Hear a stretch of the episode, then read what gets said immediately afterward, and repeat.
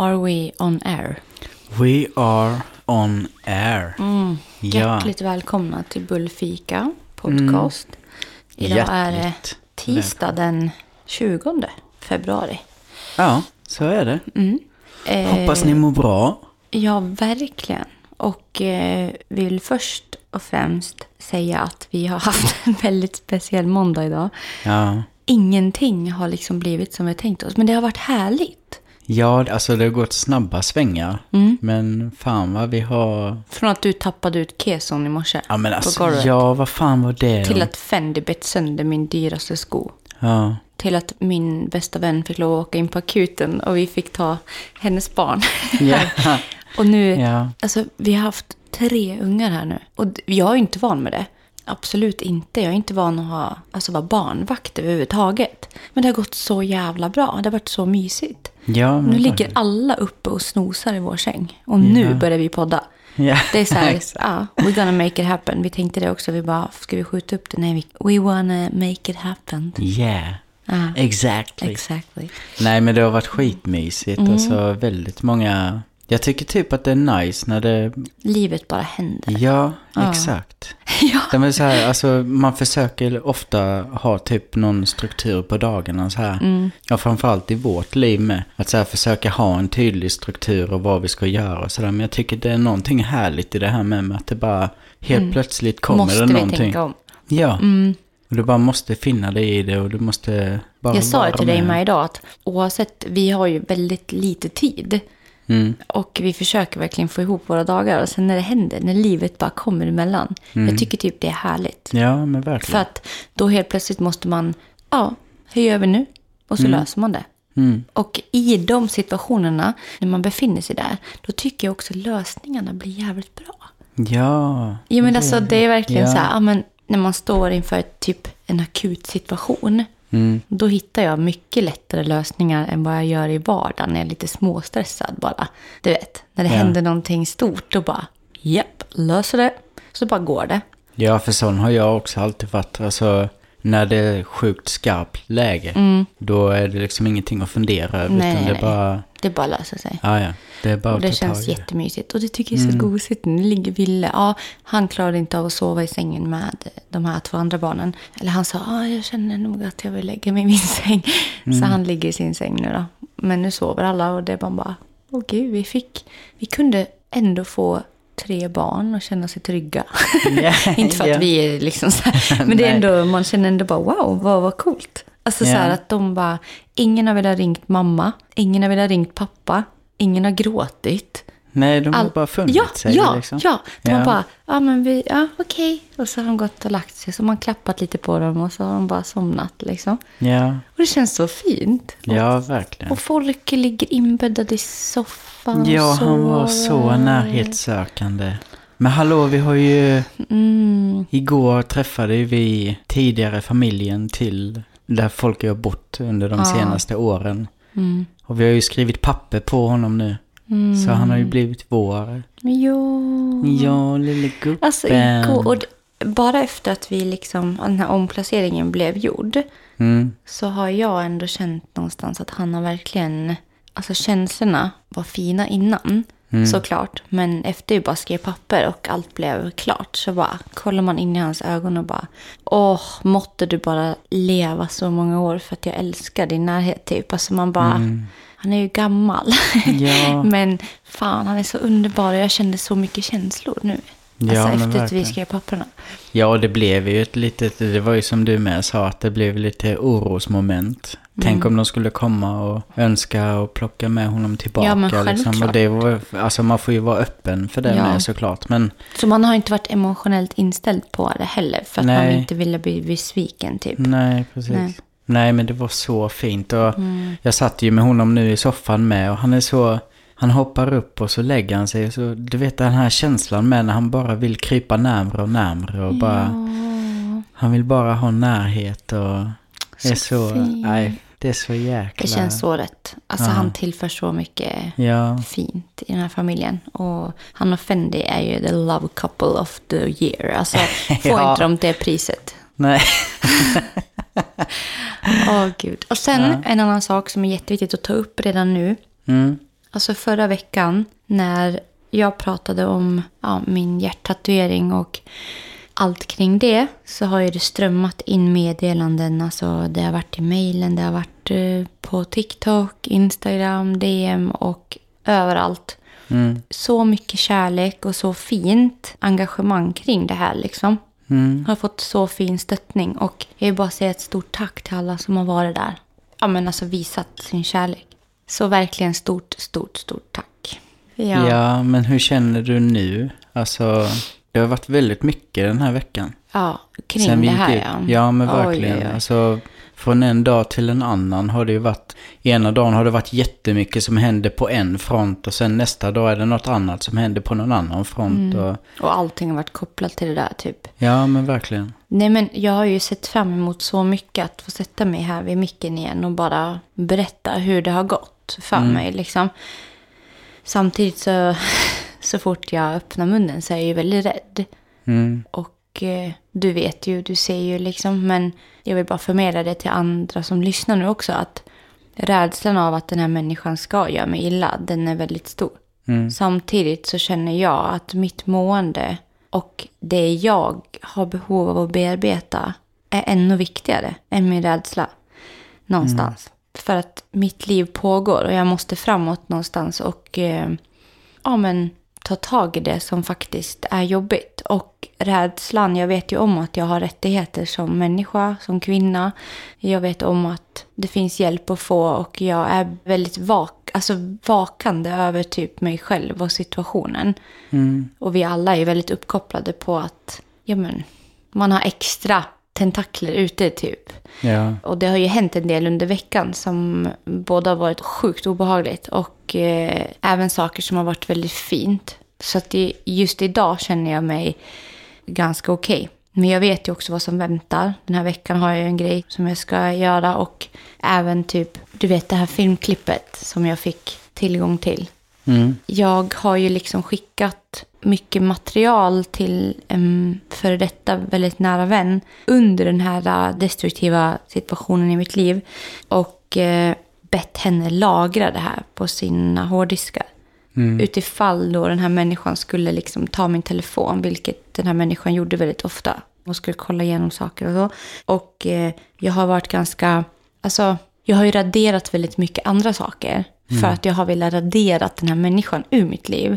Men just de där sakerna har jag ändå hela tiden vetat med mig att de finns. Så, så eh, jag eh, fick dem ju skickat till mig här i veckan. Och det var också så här när du och jag lyssnade igenom det. Mm. Så var det någonstans som att man gick tillbaka ännu i tiden. Man hörde den här människans röst. Man hörde hur den här människan talade till mig. Och hoten. Och det var väldigt, väldigt speciellt att gå tillbaka. Det är ändå väldigt långt tillbaka. Ja, men det blir ju verkligen som att man kastas tillbaka, antar jag. Alltså, Mm.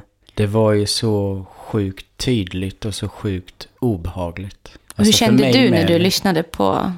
Alltså jag hör ju hela miljön. Jag hör ju på din röst hur du pratar och alltså att det är en jättetydlig ostadighet och rädsla i det.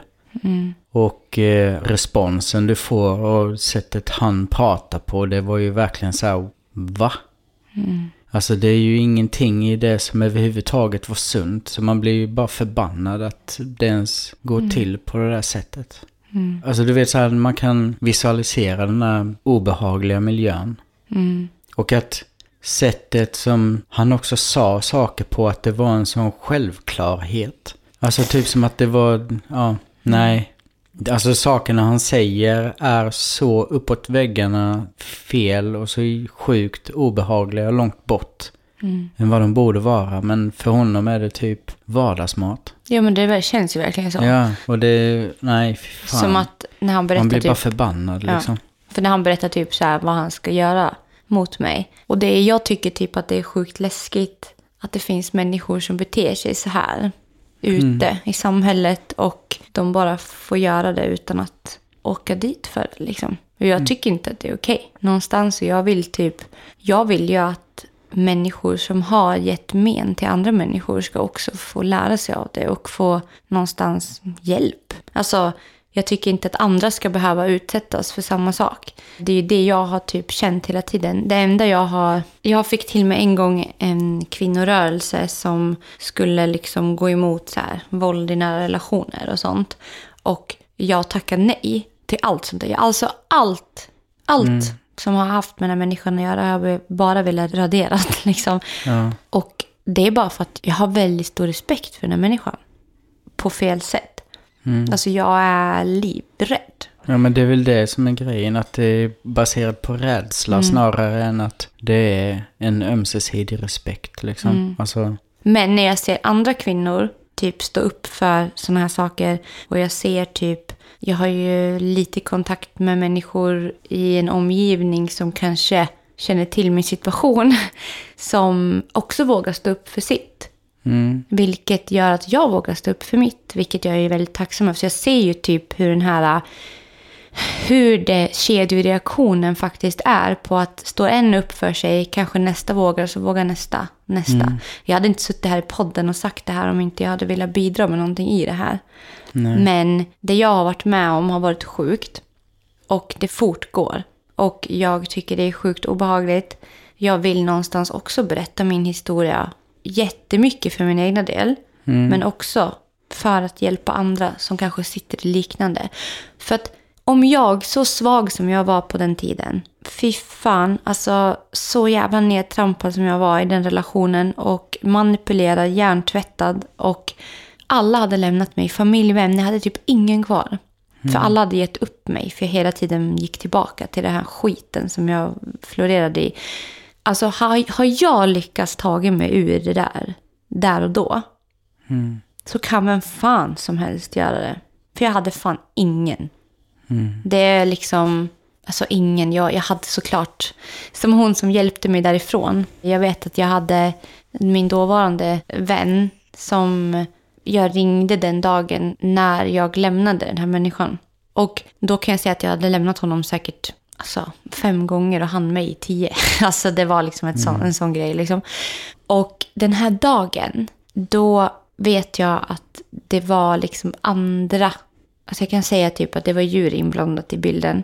Grejen är den här dagen när jag bestämmer mig för att lämna den här människan. Det var ett sånt här scenario där jag såg andra bli skadade av hans beteenden. Mig sket jag fullständigt i för jag var van att bli liksom... Alltså, han har faktiskt aldrig skadat mig fysiskt fysiskt så.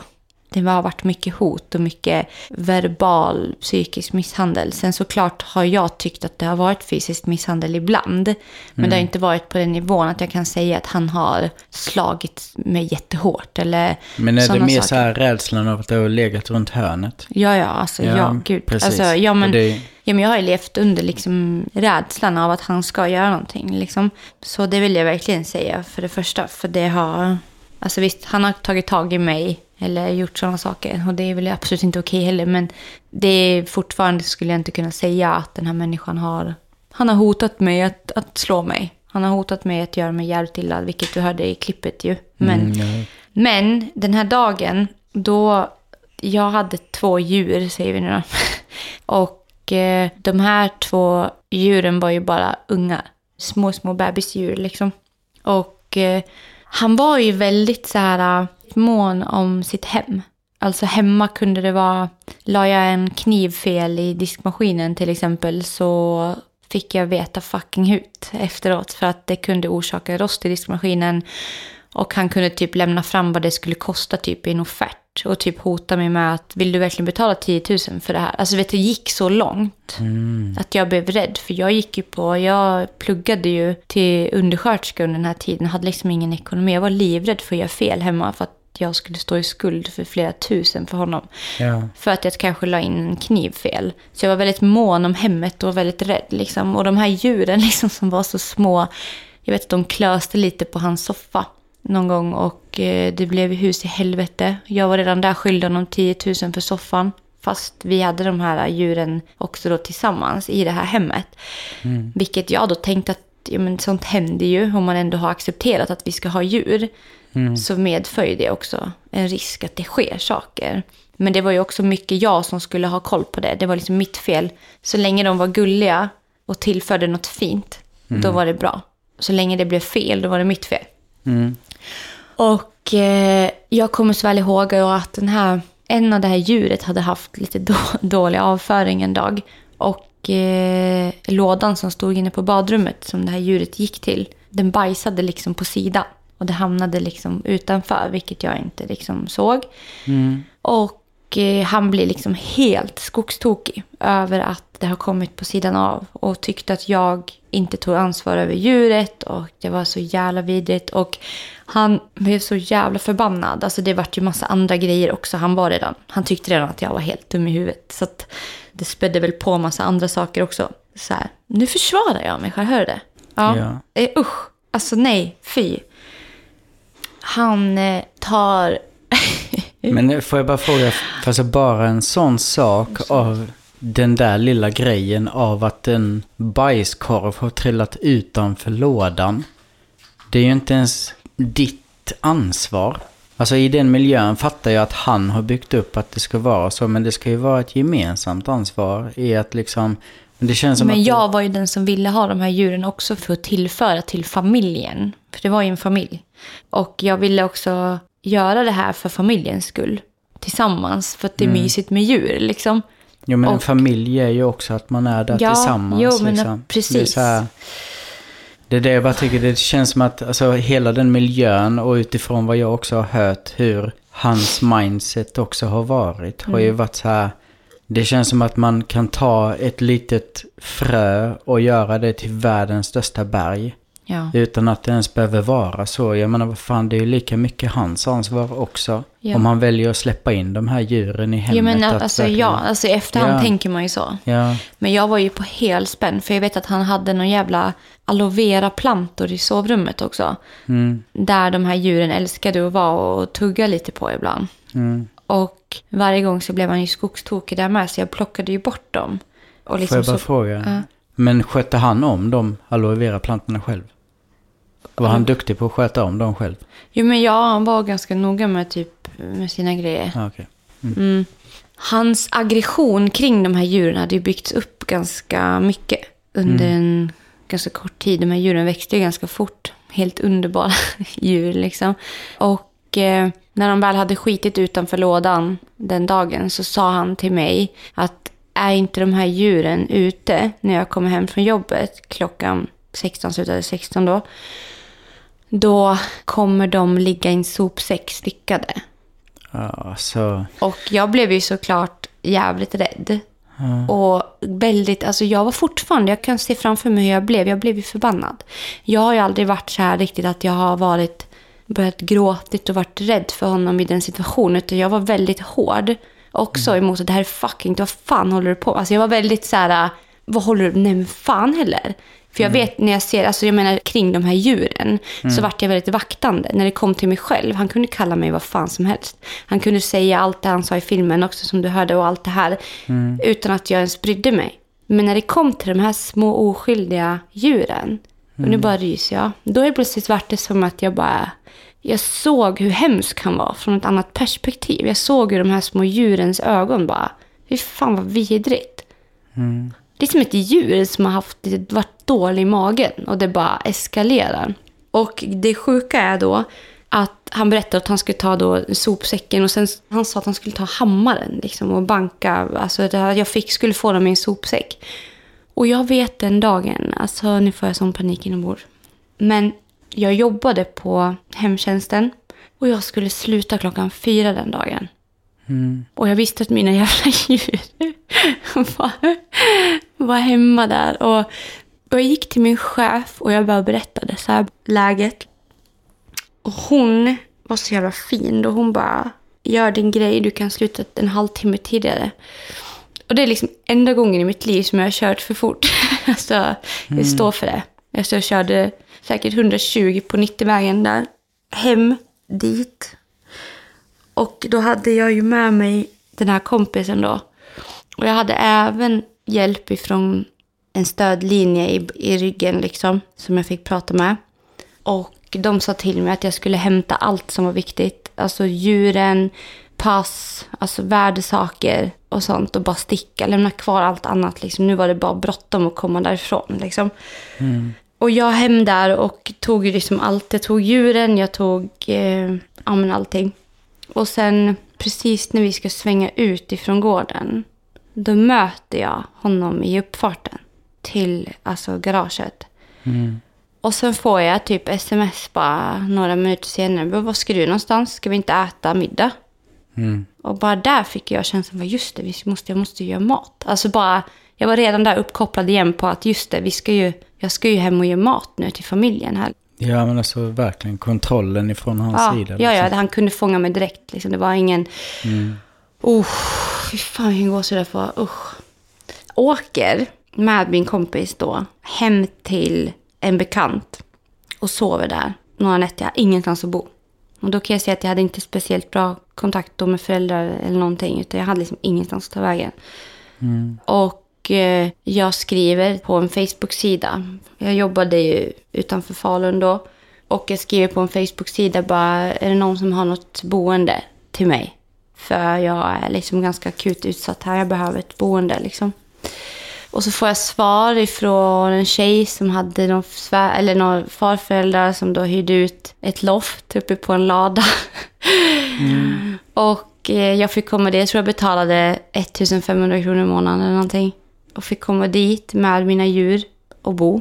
Under den tiden där, alltså det var ju ganska speciellt liksom för att det var ju väldigt, jag träffade ju på honom flera gånger också efter det här. Kom ju inte fri från honom på ett bra tag. Sen träffade jag ju Willes pappa under den här tiden. Mm. Eller vi började prata en del. Det var vi skulle mötas upp och ha ett modelljobb tillsammans. Och började väl öppna upp mig där också och liksom se att det faktiskt fanns snälla människor liksom i, i världen och så. Det var nog min räddning från honom. Att jag träffade Willes pappa under den tiden. För att jag tror att hade jag inte sett att det faktiskt fanns en annan väg att gå så hade det nog tagit längre tid för mig att gå därifrån. Nu har jag, jag känner inte att jag har fått med allt. Jag vill inte typ gå in på allt nu. Jag känner mig inte redo som jag varit med om. Men just den dagen när jag lämnade så känner jag den var verkligen så sjukt speciell. Och allting jag har varit med om med den människan minns jag. Och det sitter i mig. Det, det finns impulser i mig idag där jag inte kan fortfarande göra vissa saker. För att jag ser bara skräcken i vitögat när jag kollar in på det jag ska göra. Liksom, för att jag är så... Det, det finns sådana sjuka händelser bara kring saker som har gjort att jag idag inte kanske kan göra vissa saker. Det finns hinder i livet om man så säger. Mm. Och eh, jag vet att han inte har blivit bättre om man säger så. Och jag Ja. hoppas, jag hoppas vid Gud att den här människan inte utsätter någon annan för det här. Mm. Han kan hänga med sig själv liksom. Men fy fan alltså. Nej, fy fan. Alltså jag tänker bara, sen vi spelade in förra avsnittet med så har det ju varit så tydligt med, du vet så här som jag sa också då. Mm. Att det känns som att det är en ny dörr som har öppnats. Mm. Och jag tänker bara på den här grejen av att sen den här dörren verkligen öppnades, typ som när du sover. Du har ju drömt sjukt mycket mardrömmar. Mm. Det är ju så mycket där inne som behöver ut på något sätt liksom. Mm. Jag hoppas blir- att ja. han bara låter mig få ha den här bearbetningen. Ja. Jag hoppas att inte det han har utsett mig för ska börja handla om honom. Nej men du vet, att det ska Ja, bli någon grej liksom. Mm. Och jag hoppas att om han lyssnar på det här, att han bara låter mig få bearbeta det han faktiskt har utsatt mig för. Mm. Och tänker lite större än att han ska vara finslipad. För det är han inte. Liksom, han har inte rövhål. Mm. Och han ska fan veta det liksom. Men jag ska fortfarande få berätta. För att jag är värd att få gå vidare från det här liksom. Mm. Det har varit så många år. Och det är liksom... Jag är värd att få gå vidare på riktigt, liksom, känner jag. Ja, verkligen. Och den här veckan, som du säger också, allt som har hänt, folk som har hört av sig. Mm. Det har ju varit människor som har i en väldigt snar närhet, kan man säga, Mm. upplevt samma liknande grejer. Och eh, jag har fått väldigt mycket klartecken i saker. För det är också så här, jag vill bara säga det att när det tar slut mellan två personer, det här ser man ju ganska ofta på sociala medier, att det smutskastas en del. Mm. Man ska hålla på och eh, liksom exposa vad den andra har gjort och inte. Och för att typ vara den där, den klina i breakupet liksom. Jag har oftast, visst jag har pratat om mina erfarenheter och det jag har varit med om. Och jag har ju fått till mig att höra typ att jag trash-talkar typ ex. Mm. Eh, när jag egentligen sitter och faktiskt bara pratar om vad jag har varit med om. Jag, jag kommer inte liksom exposa vem som har gjort vad eller hit och dit. Det är inte Nej, viktigt i frågan. Nej, men verkligen. Men jag har fortfarande rätt till min historia. Och jag tycker också det är liksom att det jag kan känna typ hur det funkar idag med typ offentliga profiler. Så att man är väldigt, man är väldigt öppen med att ja, men exposa varandra på ett sätt som faktiskt kan skada varandra också. Mm. Och jag tycker ju att man, visst man kan prata om att man, vad man har varit med om och gud, ja, jag har varit med om det här på sistone och hit och dit och det har varit jobbigt och se till att liksom läka i det. Men den här smutskastningen, det känns som att det, jag har aldrig haft det. Jag har aldrig haft behov av att sitta och smutskasta. Jag menar, jag och Willes pappa har separerat av, av olika anledningar. Det är ingen som vet typ. Mm. Jag är ensam vårdnad om Wille. Det är ingen som vet varför. Nej. Jag sitter inte och pratar öppet om det. Jag sitter inte och... Han är liksom en jättefin människa. Jag säger inte... Jag tänker aldrig sitta och trash-talka någon. Nej, nej. Det här är en händelse som är fett skev. Jag kan absolut säga nu att jag sitter och exposar händelser i mitt liv. Mm. Vilket jag tycker varenda individ har rätt till. Att berätta vad den har varit med om. Ja. Liksom, det är en mänsklig rättighet att prata. Liksom. Mm. Skillnaden är att tala, föra osanning och typ hänga ut folk. Mm. Det, det blir inte schysst. Liksom. Nej, men liksom syftet bakom. ja, men Vad är det som är viktigt i sammanhanget? Ja, men Mm. exakt. Jag menar, det du gör här just nu är ju egentligen att prata utifrån, som du säger, med dina erfarenheter. Och det är ju någonting som du verkligen behöver Mm. också. Alltså ditt syfte är ju att du vill bearbeta och du behöver bearbeta också. Ja, jag tror att, alltså nu, jag låter lite kall om jag säger det här, men jag skiter fullständigt i hur det går för den här människan. Det enda jag vill är att han inte utsätter någon annan för det, liksom. Ja, Det är typ det jag känner också. Och i det här, det är inte någonting att jag söker kontakt med den här människan överhuvudtaget. Det vill jag verkligen inte ha. Det enda jag vill är att bli kvitt min känsla. Och pratar jag ut till folk så kan jag också göra något fint av den här känslan. mm. Det här jag bär med mig kan bli någonting fint. Kanske kan det upplysa någon annan att gå ifrån någonting som inte är bra. Kan det upplysa någon annan att våga börja prata? Vågar jag sitta här inför, hur många jävla lyssningar har vi per avsnitt? Typ 11 000. Ja. Ja. men liksom, vågar jag prata nu inför 11 000 pers och säga det här? Mm. Så kanske någon annan vågar prata med en person, två personer, tre personer.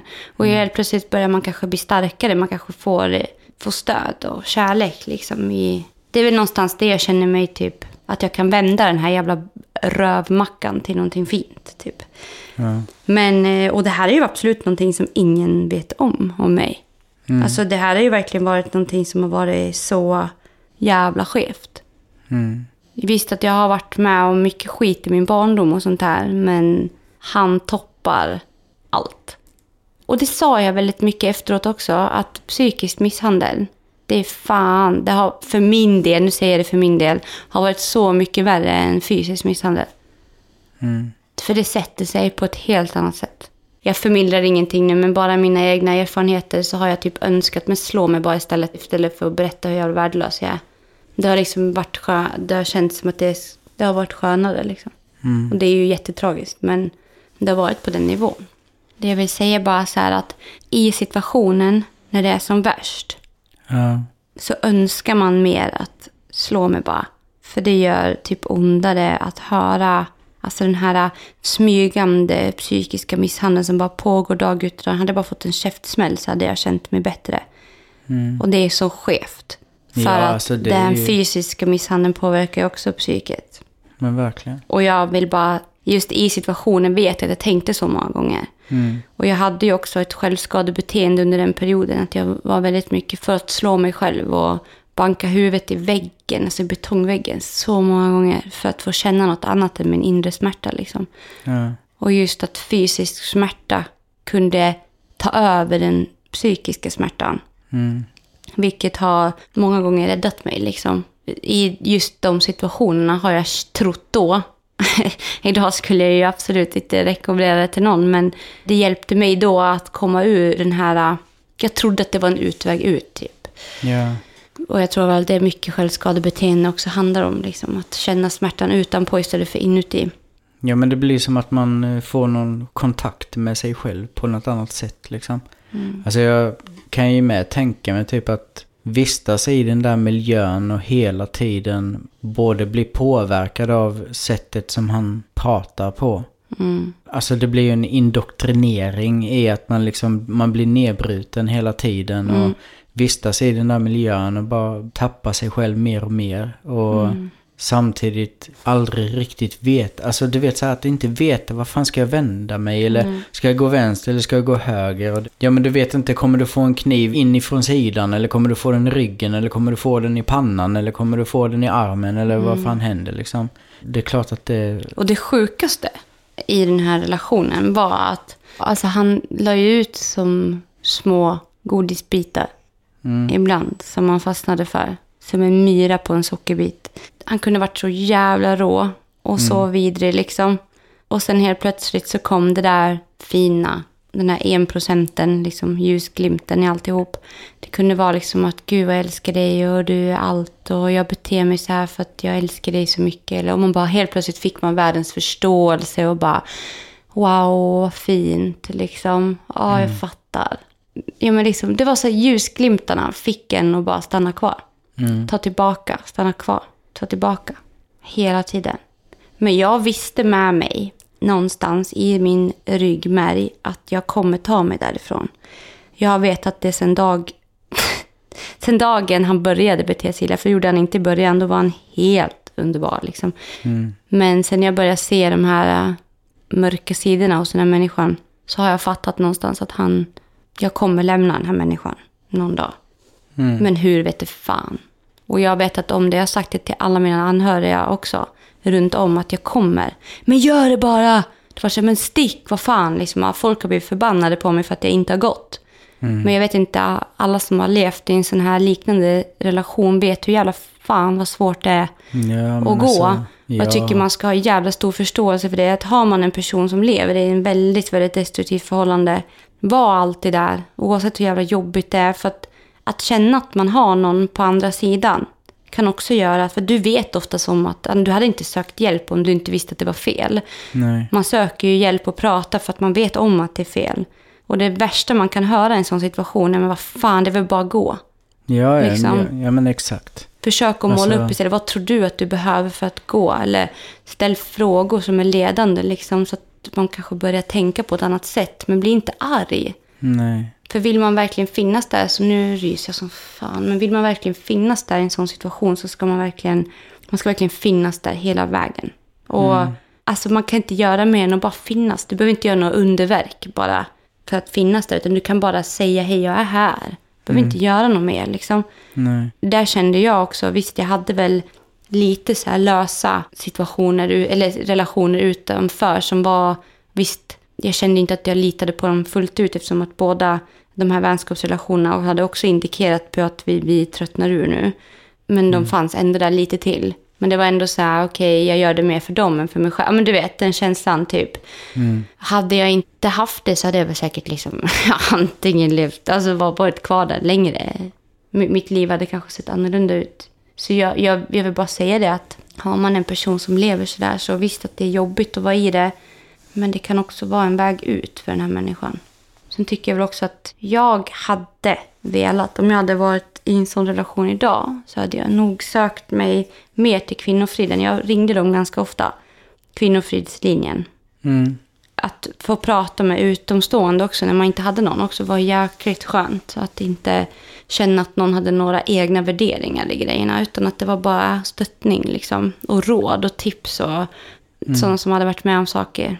Och det känns så fint att det faktiskt finns så mycket stöd man kan få med bara ett telefonnummer gratis. Och bara, hej, jag behöver hjälp. Och alltid så jävla fint bemötande varje gång. Nu pratar jag typ alltid med olika, men alla var typ lika fina.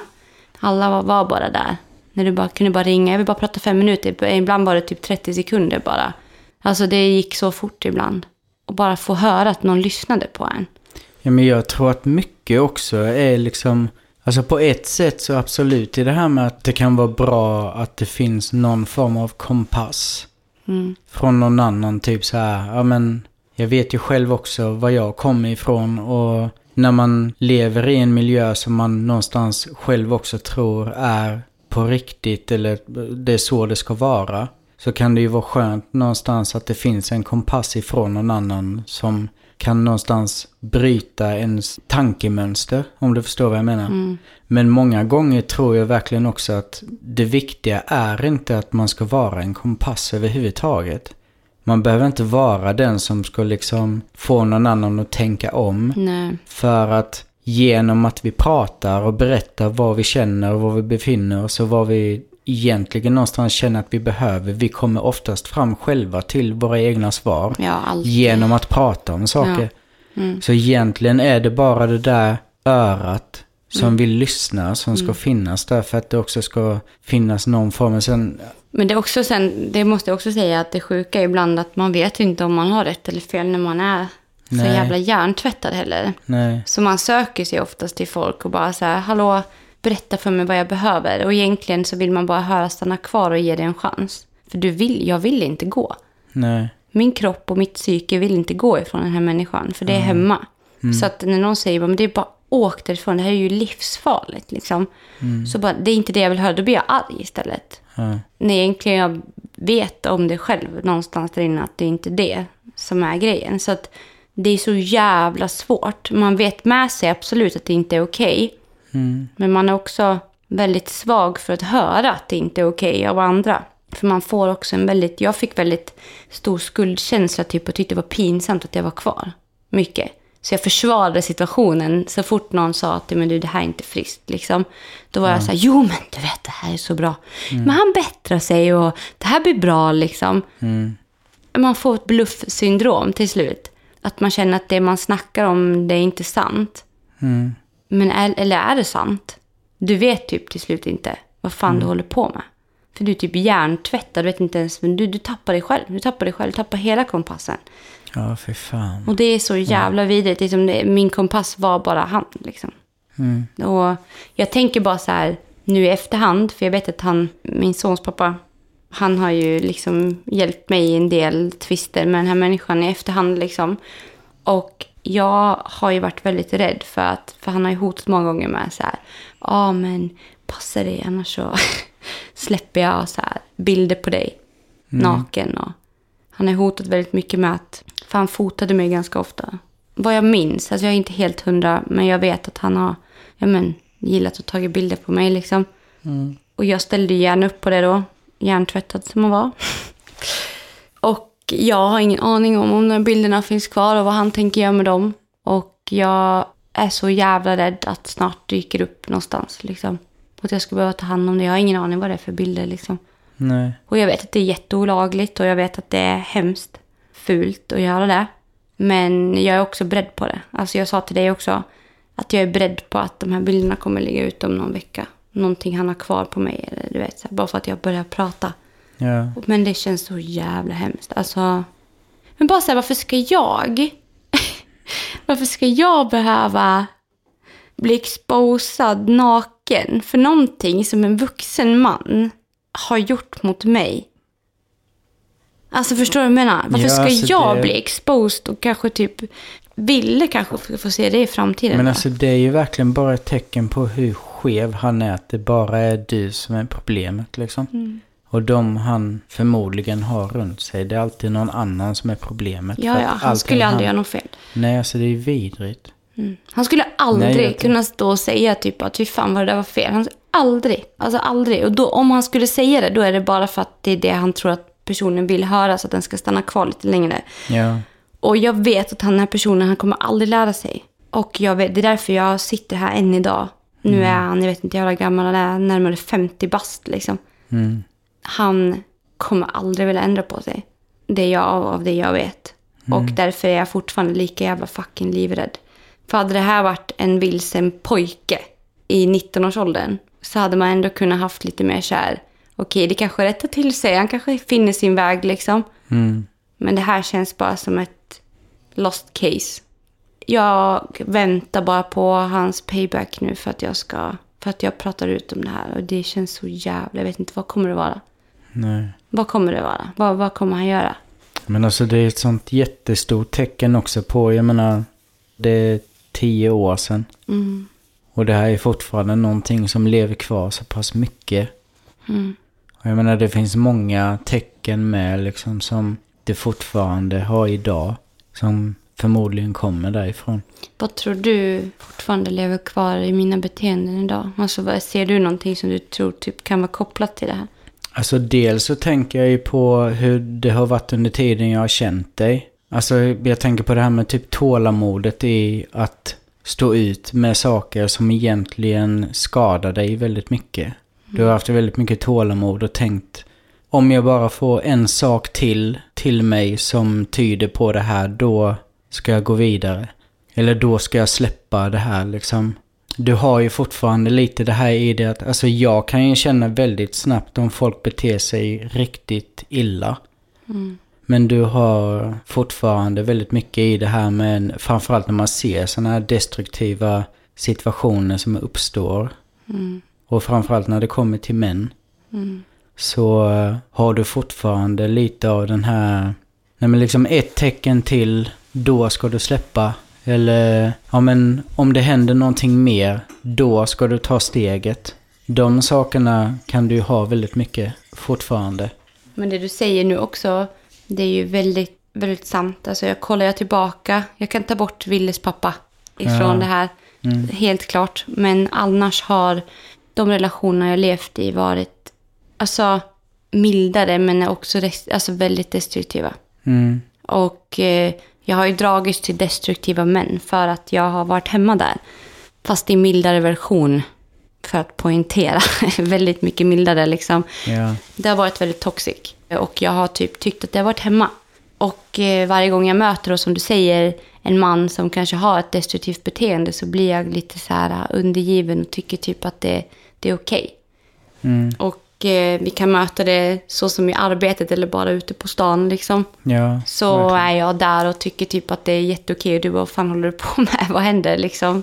Vem är du nu? Är du gamla Klara, nya? Eller så här, var befinner du dig liksom? Inte så, men alltså det jag kan tänka mig att man, man, man, kan, man kan känna så. Var, var, var befinner sig Klara nu liksom? Ja, alltså, ja, det har ju aldrig hänt att jag säger så. Liksom. nej, men, nej, men jag kan men jag- tänka mig att Men jag man... ser ju att det jag pågår tänker så någonting. också. Liksom, Ja. Jag ser ju att det pågår någonting Mm. som jag ser att du egentligen inte mår bra av. Det blir en sak som blir två saker, som blir fyra saker, som blir åtta saker, som blir sexton saker. Det är ett mönster. Mm. Och så här har det ju varit mycket, jag ska bara säga det, det har varit mycket så här också i min familj ju. Exakt samma grej, lika destruktivt. Mm. Och jag tror att jag har varit hemma med både fysisk och psykisk misshandel hela mitt liv. Mm. Det har varit någonting som har varit okej att göra mot mig. För att jag har inte vetat något annat. Mm. Har jag fått en smäll i ansiktet? Har jag blivit sparkad på? Har jag gjort någonting fel så har jag fått hus i helvete liksom. Och jag tänker mig typ att, jag pratade med dig också om det här liksom att att jag alltid typ, jag tänker inte säga förlåt nu att jag gråter. Nej, det är så. Men jag har tänkt så mycket typ på hur, hur jag redan som litet barn, oskyldigt barn, liksom har blivit utsatt för, för den här skiten. Liksom. Och jag har bara hållit käften så jävla många år. Jag har hållit käften för att jag inte vill smutskasta människor. Och jag har valt att inte polisanmäla, jag har valt att... Och då när jag har gått till typ vården och sökt för typ misshandel i hemmet så har jag liksom fått höra då, men vill du anmäla det här till polisen? Och jag har direkt sprungit därifrån och inte velat haft med dem att göra mer. Mm. För att de har typ haft anmälningsplikt och jag bara nej, nej, nej, dragit tillbaka allt för att jag typ tyckte att det var ett för stort. Liksom. Jag vill inte förnedra mina föräldrar eller typ min familj. Du vill bara ha en fin relation. Jag vill bara att det ska bli bra. Ja, älskling. Ja, men jag har bara velat att det ska bli bra. Jag vill inte sätta dit någon liksom. Jag har aldrig velat sätta dit någon i min familj. Ingenting. Jag har bara velat att de ska förstå mig och älska mig för den jag är. Och sen liksom har man bara försvarat typ allt som man varit med om för att man har tänkt att jo, men de har nog haft det jobbigt med mig. Jag har nog varit ett jobbigt barn eller jag har varit... liksom. Och så sitter man här 32 år och bara tittar tillbaka på allt och äntligen börjar öppna upp ögonen och bara, men vad fan ska jag? Varför ska jag tro att misshandel och psykisk misshandel är okej i en relation för? Varför ska jag fortfarande tro att det är okej? Jag måste jobba på det liksom. Och för att jobba på det så måste jag börja prata. Och då måste jag berätta. Och jag är så jävla fucking less på att hålla käften bara. Jag har så jävla mycket att berätta. Jag skulle kunna skriva en jävla bok. Alltså det är såna skeva jävla skitgrejer man har varit med om så det är fan helt sjukt. Och jag har alltid tänkt bara, men det är väl bara mig det är fel på. Så har jag gått och jobbat på mig själv och tänkt att jag ska bara bli bättre och bättre och bättre. Till slut kanske de älskar mig liksom. Usch vad deppigt det igen. Nej, men alltså jag, alltså det här känner jag igen så mycket. Om jag bara jobbar på mig själv och blir bättre så ska jag till slut bli accepterad. Men den tar aldrig slut, den här jävla trappan. Alltså vet du en sak? Får jag säga en sak? Jag skulle aldrig i min vildaste fantasi kunna röra mitt barn på Nej. det sättet. Jag skulle aldrig i min vildaste fantasi kunna kränka mitt barn på något liknande sätt. Jag förstår inte hur man ens kan tänka tanken om att skada sitt barn. Men bara titta på lilla Ville som ligger där uppe och sover. Så bara så här. Så oskyldig, så, så pure och så ren. Ren. ja. Men liksom så här, hur? Ja. Jag skulle aldrig ens kunna röra honom på det sättet. Jag skulle aldrig kunna liksom säga till honom att han är dålig på något sätt liksom. Eller, alltså du vet, få honom att känna sig dålig. Alltså hur? Hur? Och intresset jag har för mitt barn liksom. Det är det enda man någonsin har velat haft själv. Som människa. Mm. Ett intresse från sina föräldrar liksom. Och vara intresserade av vad jag är för någon individ och inte bara vara intresserad av att skapa en individ som de vill ha liksom. Utan att vara intresserad av det de faktiskt har fått. Mm. Alltså jag har alltså- så mycket att berätta och jag känner någonstans att jag som jag sa till dig, skulle jättegärna hade velat skriva en bok Mm. om typ min uppväxt. Någon gång. Det är inte jag som skriver en bok, men jag skulle vilja berätta och så skulle jag vilja att någon skrev en bok. Mm. Och få dela med mig på det sättet typ. Men eh, jag har så stort ansvar också i att ah, du vet var jag befinner mig. Mm. Jag känner mig Ja. bara sjukt, alltså, ja, nu får jag ta en paus. Ja, nu har jag tagit en paus. En liten bensträckare. Mm. Och eh, ja, du hade något du skulle säga. Kan inte du börja nu? Det är lite... Nej men jag tänkte på det vi pratade om innan med saker du har fått med dig. Eh, jag kommer att tänka på en till sak som jag har märkt väldigt mycket. Mm. Som jag förmodar väldigt tydligt också kommer ifrån det här. Och det är ju att även i vår relation idag, alltså så här långt efter, Mhm. så är det ju också, alltså att du, du väntar ju fortfarande på att jag ska visa mig också vara någonting som jag inte utgett mig för att vara. Alltså att du är i fight mode eller Mm. att du är rädd för att det ska visa sig att jag också är ett, liksom, ett fuck up. Alltså fy fan. Alltså, jag har alltid varit typ så här några månader eller till ett år sen när det börjar visa sig liksom. Ja, Alltså det vore så jävla hemskt. Böla igen.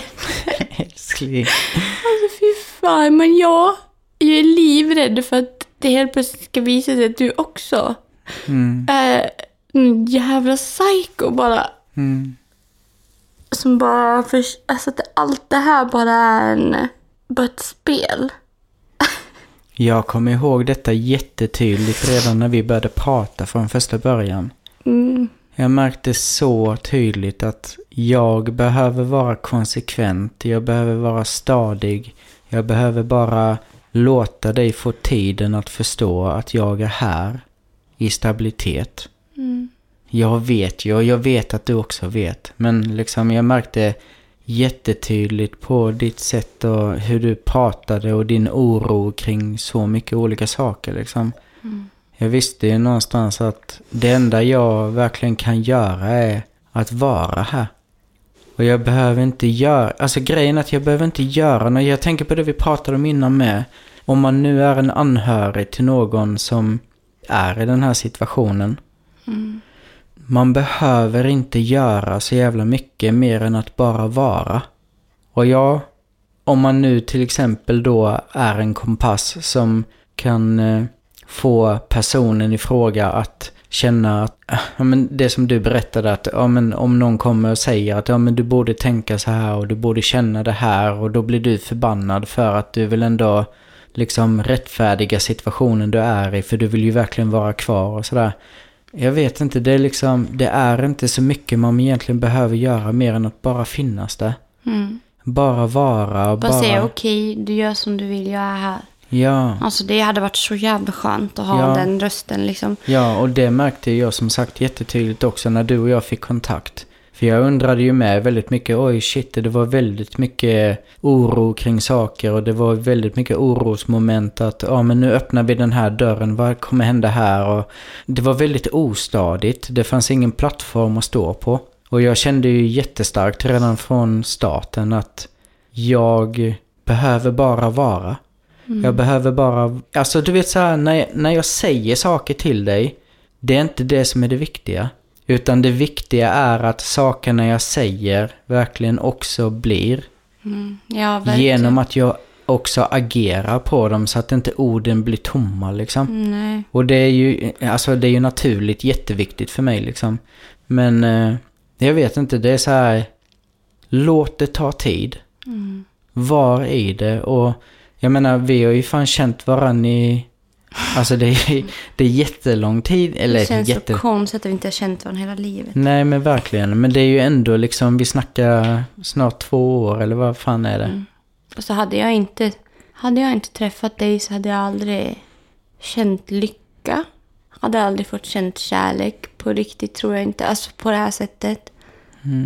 Aldrig vågat prata. För jag känner nu bara fuck off. Gör vad fan du vill mot mig ditt jävla äckel. Inte du nu men han som den där, det här, det här skiten handlar om liksom. Alltså okej jag säger så här, de som har gjort mig illa. Mm. Gör vad fan ni vill mot mig för jag är tryggaste jävla människan på världen idag med dig. Mm. Och det är också så här att få möta det här fina i livet efter så jävla många år av bara skit. Mm. Så känner jag någonstans bara att det är klart att fan är livrädd att du ska också vara skit. Jo, jag förstår det. Det är inte konstigt liksom, men det är inget jag aktivt går och tänker på. Det slår mig ibland liksom.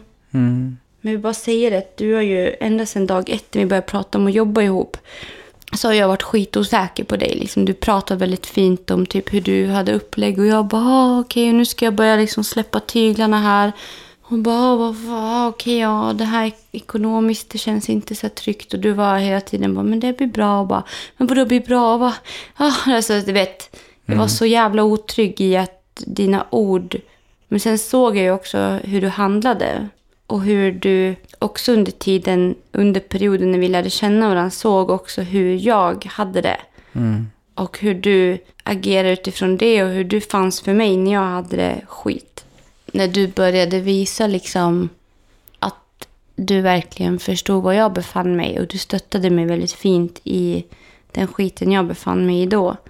Det var också så här, shit, allt du har pratat om hela tiden har verkligen varit sant. Liksom. Hur du har handlat är lika med hur du har pratat. Och hur du har sagt att du är har du visat dig vara. Och det har hela tiden varit en så här matematisk uträkning av det här resultatet som jag bara önskat att det ska vara. Att det ska vara sant liksom. Och nog slår det mig än idag att tänk om. Men det gör det med allt. Tänk om jag dör imorgon. Tänk om du är ett svin. Tänk om mitt barn dör. Tänk om jag... Jag menar alltså allt. Det är klart att jag, jag alltid far, jag befarar alltid det värsta. Fortfarande. Såklart. Jag gör det ibland. liksom. Jag tror alla gör det. Alla är rädda för att förlora det man älskar mest. Men hade du visat dig vara någonting annat än vad du är så hade jag då fan tappat hoppet om mänskligheten rakt av. Alltså rakt av. Alltså hade du, hade, det här varit fake Mm.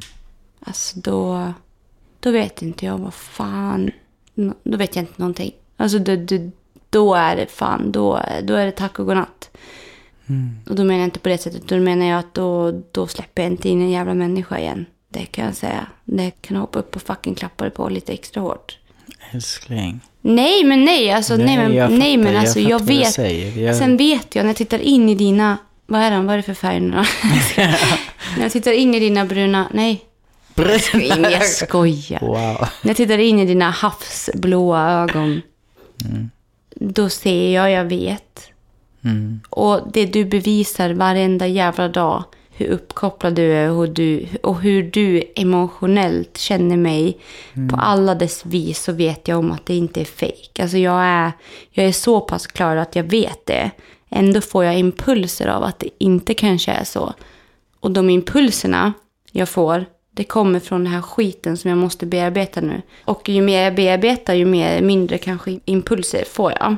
Mm. Kan jag ju hoppas på liksom. Men jag känner någonstans, alltså efter det här nu, jag vill känna efter nu en vecka. nu har jag gått ut med något stort igen. Och jag vill att, jag vill känna efter nu hur det här landar liksom. Och jag vill känna vad, vad sker. Och sen gå vidare med min bearbetning. Jag vill typ prata om vad jag har varit med i barndomen. Jag vill berätta allt. Jag vill berätta allt. Jag vill berätta om när jag blev drogad på min kompis fest Mm. och kom blodigt till akuten i underlivet. Jag vill prata om när jag blev slagen som barn.